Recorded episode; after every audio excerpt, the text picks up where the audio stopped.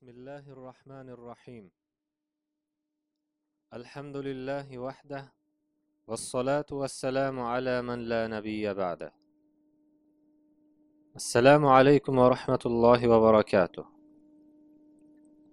aziz va muhtaram musulmon birodarlar bugungi darsimizda bizlarga eshik qoqib kelayotgan ulug' bir oy bo'lmish ramazon oyi va unda ro'za tutishlik fazilati haqida so'z yuritib barcha musulmonlarni ushbu muborak oy bilan sidqi dildan tabriklaymiz. Imom navoiy rahimaulloh bu borada riyozi solihin kitobidan alohida bir bob ajratib uni babu vujubi somi ramazon va bayani fadli siyami va ma yataallaqu bihi ya'ni ramazon ro'zasini tutish vojibligi va ro'za tutish fazilati va shunga bog'liq masalalarning bayoni haqidagi bob deb ataganlar. Aziz va muhtaram musulmon birodarlar ushbu muborak oyda alloh taolo ajru savoblarni juda mo'l ko'l qilib beradi. Unda ezgulik istovchi har bir kishi uchun yaxshilik eshiklari ochiladi. Bu oy xayru barokatlar oyi bo'lib uning avvali rahmat o'rtasi mag'firat va oxiri do'zax azobidan ozod qilishdir. Yana bu oyda solih amallar ko'p bo'lganligi va amal qiluvchi kishilarni targ'ib qilish uchun jannat eshiklari ochilib gunohkor musulmonlar kam bo'lgani uchun do'zax eshiklari berkitiladi. Va shaytonlar zanjirband qilib qo'yiladi. Arab tilida savm yoki siyom so'zlari tiyilish ma'nosini anglatib uning shar'iy ma'nosi bomdod vaqti kirishidan ya'ni fajri sodiqdan to quyosh botguncha xolis olloh uchun yeyish ichish va jinsiy aloqa qilishdan tiyilish bilan unga ibodat qilish degani. Inson ushbu narsalardan faqat urf odat yoki badan sog'ligi uchun tiyiladigan bo'lsa u ibodat hisoblanmaydi. Ramazon oyi esa qamariy hisob bo'yicha to'qqizinchi oy bo'lib shabon va shavvol oylari orasida joylashgan. Bu oy ro'zasini tutish yangi oyni ko'rish bilan boshlanib shabonning yangi oyini ko'rish bilan yakunlanadi. agar yangi oyni ko'rishdan bulut va chang to'zon kabi narsalar man qilsa unda shabon oyini to'liq ya'ni o'ttiz kun qilish bilan ro'za tutib boshlanadi muallif rahimaulloh bu bobni ushbu oyati karima bilan boshlab shunday deydilar قال الله تعالى يا أيها الذين آمنوا كتب عليكم الصيام كما كتب على الذين من قبلكم. إلى قوله تعالى شهر رمضان الذي أنزل فيه القرآن هدى للناس وبينات من الهدى والفرقان. فمن شهد منكم الشهر فليصمه ومن كان مريضا أو على سفر فعدة من أيام أخر. الآية. الله تعالى va uning farz qilinishi haqida shunday deydi يا أيها الذين آمنوا كتب عليكم الصيام كما كتب على الذين من قبلكم لعلكم تتقون. أياما معدودات فمن كان منكم مريضا أو على سفر فعدة من أيام أخر. وعلى الذين يطيقونه فدية طعام مسكين. فمن تطوع خيرا فهو خير له وأن تصوموا خير لكم إن كنتم تعلمون Ey mo'minlar taqvoli kishilar bo'lishingiz uchun sizlardan ilgari o'tganlarga farz qilingani kabi sizlarga ham sanoqli kunlarda ro'za tutish farz qilindi. Endi sizlardan biror kishi xasta yoki musofir bo'lsa u holda ro'za tutolmagan kunlarining sanog'ini boshqa kunlarda tutadi. Keksalik yoki zaifligi sababli ro'za tutishga qiynaladigan kishilar bir miskin bechoraning bir kunlik taomi miqdorida evaz to'lashlari lozim.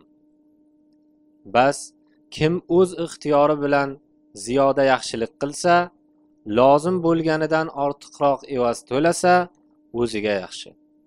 Agar bilsangiz ro'za tutishingiz o'zingiz uchun evaz berish yoki hatto uzrli holatda ro'za tutmaslikka nisbatan yaxshiroqdir.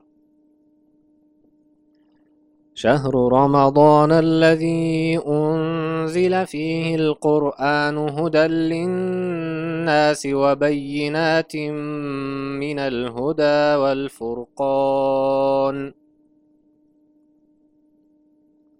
فمن شهد منكم الشهر فليصمه ومن كان مريضا أو على سفر فعدة من أيام أخر يريد الله بكم اليسر ولا يريد بكم العسر ولتكملوا العدة ولتكبروا الله على ما هداكم ۖ ولعلكم تشكرون u sanoqli kunlar ramazon oyidirki bu oyda odamlar uchun hidoyat bo'lib va hidoyat va furqon haq bilan botilni ajratguvchining ochiq oyatlari bo'lib qur'on nozil qilingan bas sizlardan kim bu oyga hozir bo'lsa ro'za tutsin Va kim xasta yoki musofir bo'lsa u holda ro'za tutolmagan kunlarining sanog'ini boshqa kunlarda tuzalgach yoki safardan qaytgach tutadi.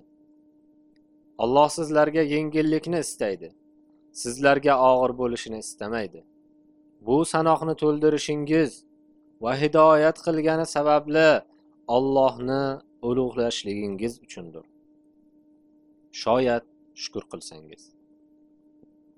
وأما الأحاديث فقد تقدمت في الباب الذي قبله bu bobga tegishli hadislar esa yuqorigi bobda zikr qilindi shuning uchun ro'zaning farzligi va uning islom rukunlaridan biri ekaniga dalolat qiladigan abdulloh ibn umar roziyallohu anhuning hadislari bilan kifoyalanamiz عن ابن عمر رضي الله عنهما أن رسول الله صلى الله عليه وسلم قال بني الإسلام على خمس شهادة أن لا إله إلا الله وأن محمدا عبده ورسوله وإقام الصلاة وإيتاء الزكاة وحج البيت وصوم رمضان.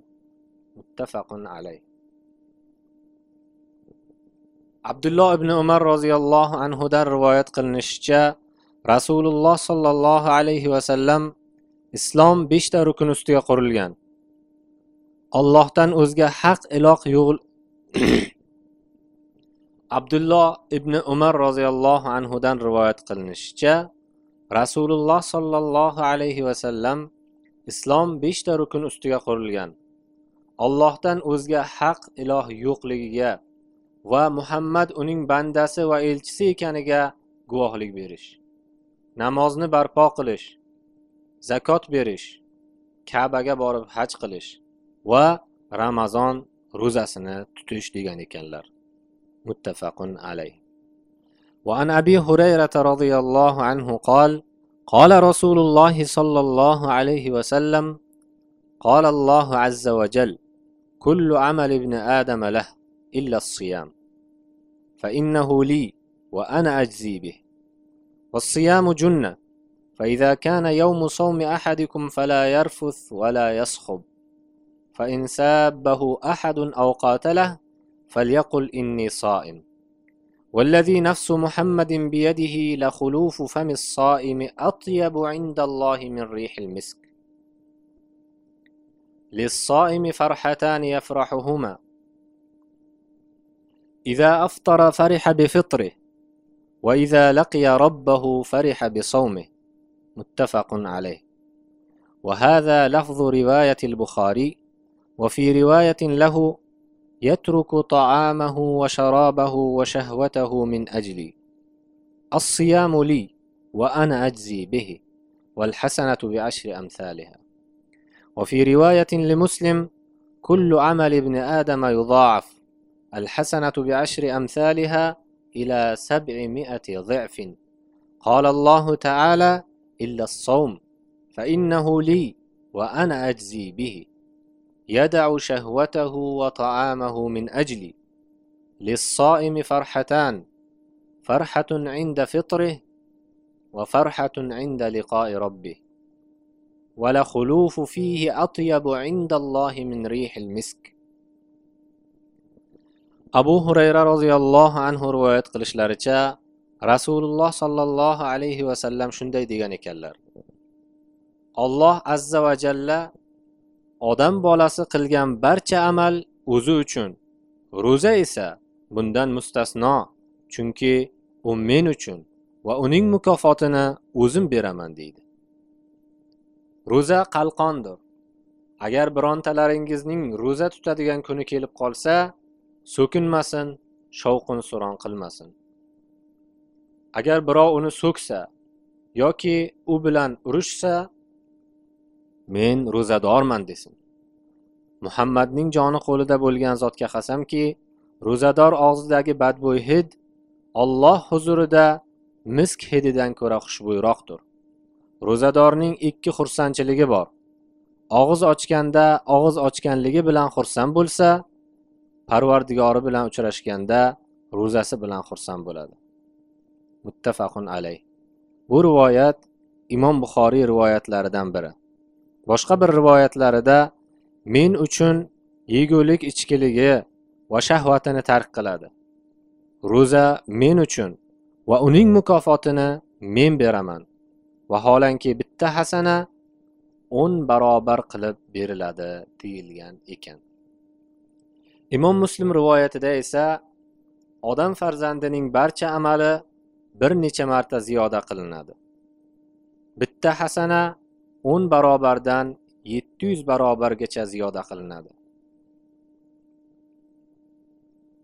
Alloh taolo aytadiki ro'za bulardan mustasno chunki u men uchun va uning mukofotini o'zim beraman. Chunki u taomi va shahvatini men uchun tark qiladi. Ro'zadorning ikki xursandchiligi bor. Biri og'iz ochganda ikkinchisi parvardigori bilan uchrashganda. Uning og'zidagi badbo'y hid olloh huzurida misk hididan ko'ra xushbo'yroqdir deyiladi.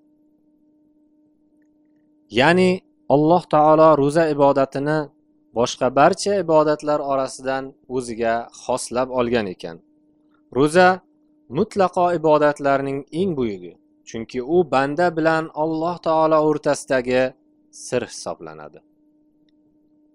Siz odamlar orasidagi ro'za tutgan kishiga boqingchi uni ro'za tutgan yoki tutmaganini aniqlay olasizmi? Yo'q albatta. Chunki uning niyati bizga noma'lum. Ro'zador odamlardan xoli joyda bo'lsa ham ro'za orqali harom qilingan narsalarni tanovul qilmaydi. Allohning azobidan qo'rqib va uning ajru savoblarini umid qilib ularni tark qiladi. Chunki u xilvatda ham undan xabardor parvardigori bor ekanini va o'sha zot bu narsalarni unga harom qilganini biladi. Bu ulug' ibodatdagi ixlos o'ta katta bo'lgani uchun ham alloh taolo uni boshqa barcha ibodatlar orasidan o'ziga xoslab olgan ekan. Ulamolardan sufyon ibn uyayna rahimaulloh aytishlaricha qiyomat kuni alloh taolo bandasini hisob kitob qilib uning zimmasidagi o'zgalarning haqlarini qilgan barcha amallaridan olib berar ekan. Toyinki ro'zadan boshqa amal qolmagach qolgan haqlarni olloh o'z zimmasiga olib uni tutgan ro'zasi bilan jannatga kirgizar ekan. Demak ro'zadan biron kishining haqi olinmas ekan. Chunki ro'za alloh taolo uchun xos ibodat bo'lib unda biron kimsaning haqi yo'q ekan. Yana shuni ham aytib o'tish kerakki sabr uch xil bo'ladi. Birinchisi alloh taoloning toatiga sabr qilish. Ikkinchisi alloh taologa ma'siyat qilishdan sabr qilish. Uchinchisi alloh taoloning qazoyi qadariga sabr qilish. Ro'za esa sabrning mana shu uch xilini o'z ichiga olgani uchun uning ajru savobi hisob kitobsiz berilib u sabrli kimsalar safidan joy olar ekan. Alloh taolo sabrli kimsalar haqida o'z kitobida innama yuvaffas-sobiruna ajrahum bighayri hisab deydi. Ya'ni hech shak shubha yo'qki sabr toqat qilguvchilarga ajr mukofotlari hisob kitobsiz to'la to'kis qilib berilur deb marhamat qiladi. Endi ro'zadorning alloh taoloning toatiga sabr qilishiga kelsak chunki u ba'zida ro'zani yoqtirmasligiga qaramasdan o'zini bu ibodatni to'la to'kis ado qilishga undaydi. Lekin uning bu yoqtirmasligi ro'zadagi mashaqqat sababli bo'ladi. Olloh farz qilganligi uchun emas. Chunki olloh farz qilganligi uchun yoqtirmaydigan bo'lsa uning qilgan amallari bekor bo'lib kuyib ketadi. Shu mashaqqatlarga qaramasdan yeyish ichish va jinsiy aloqadan o'zini tiyishlik bilan bu ibodatni komil bajarishga harakat qiladi. Shu bois alloh taolo uning bu amalini maqtab hadis qudsiyda men uchun yegulik ichkiligi va shahvatini tark qiladi deydi. Ro'zadorning alloh taologa ma'siyat qilishdan sabr qilishiga kelsak bu ro'zador uchun bo'lib turgan narsa.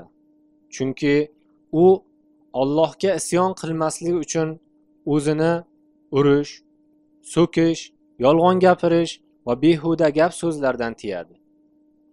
Sabrning uchinchi xili bo'lmish alloh taoloning qazoyi qadariga sabr qilishlikning ma'nosi shuki insonni ro'za kunlarida xususan issiq va uzun kunlarda malollanish erinish va chanqash kabi unga ozor beradigan holatlar qamrab oladi. Shularga qaramasdan ro'zador ro'zasini olloh roziligini istab tutganligi uchun bu holatlarga sabr qiladi. Alloh taolo ro'za haqida uning mukofotini o'zim beraman deb bizga uning mukofotini faqat o'zigina berajagini bildirdi. Chunki solih amallarning ajru savoblari adad bilan orttirib ziyoda qilinadi. Bitta hasana o'n barobardan yetti yuz barobargacha orttirib ziyoda qilinadi. Ammo ro'zaning mukofotini esa hech qanday adadni e'tiborga olmasdan olloh o'zi berajagini xabar qildi. Vaholanki u eng saxiy zot bo'lib beriladigan atoning miqdori uni beruvchi zotning martabasiga qarab bo'ladi. Bundan kelib chiqadiki ro'zaning ajru mukofoti behisob katta bo'ladi. Hadisda payg'ambarimiz sollallohu alayhi vasallam ro'za qalqondir dedilar. Chunki u ro'zadorni so'kinish va behuda so'zlardan saqlaydi. Shuning uchun ham hadisda agar birontalaringizning ro'za tutadigan kuni kelib qolsa so'kinmasin shovqin suron qilmasin deyilgan. Shu bilan birga ro'za o'z sohibini do'zaxdan saqlaydi. Imom ahmad hasan isnod bilan rivoyat qilgan hadisda bu haqida ro'za banda u bilan do'zaxdan saqlanadigan qalqondir deyiladi. Ro'zador og'zidagi badbo'y hid olloh huzurida misk hididan ko'ra xushbo'yroqdir. Chunki bu hid ro'za ibodatidan kelib chiqqanligi sababli olloh uchun suyukli va xushbo'y sanaladi. Ro'zadorning ikkita xursandchiligi bor. Biri og'iz ochganda ikkinchisi parvardigori bilan uchrashganda. Og'iz ochganda eng solih amallardan bo'lmish ro'za ibodatini to'la to'kis bajarishga Alloh uni muvaffaq qilganligi bilan suyunadi. Zero qancha qancha kishilar bu ulug' ibodatni ado etishdan mahrum bo'lishgani ko'pchiligimizga ma'lum. Shuningdek ro'zador holida unga harom qilingan yeyish ichish kabi narsalarni og'iz ochgandan so'ng halol qilganligi bilan xursand bo'ladi.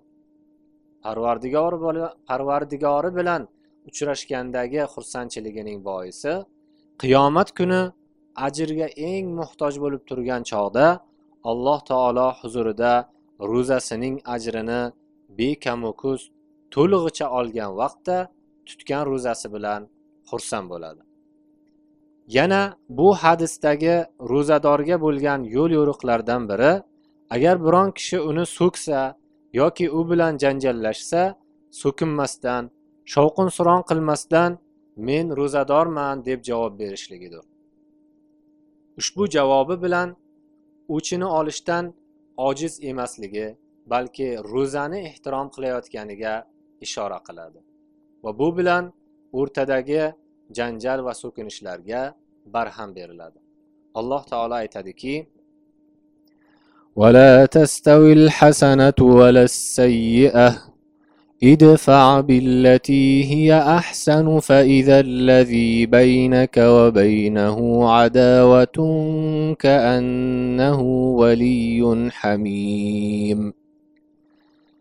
وما يلقاها إلا الذين صبروا وما يلقاها إلا ذو حظ عظيم. Ya'ni yaxshilik bilan yomonlik barobar bo'lmas. Siz har qanday yomonlikni eng go'zal so'zlar bilan daf qiling. Shunda banogoh siz bilan o'rtalaringizda adovat bo'lgan kimsa jonajon do'st kabi bo'lib qolur. Unga yomonlikni yaxshilik bilan daf qilish xislatiga faqat sabr toqatli zotlargina erishurlar. Unga faqat ulug' nasiba egasigina erishur deydi. Aziz birodarlar shunday ekan bu ulug' ibodatni ado qilayotgan paytda niyatlarimizni olloh uchun xolis qilish va amallarimizni riyokorlikdan asrashga katta ahamiyat berib amallarimizga putur yetkazadigan narsalarni oldini olishimiz kerak bo'ladi. Alloh taolodan ushbu muborak oyda hammamizni o'zi sevgan ezgu amallarga muvaffaq qilib tutgan ro'zalarimiz o'qigan namozlarimiz va qilgan ehsonlarimizni o'z dargohida qabul qilishini so'rab ushbu darsimizni yakunlaymiz.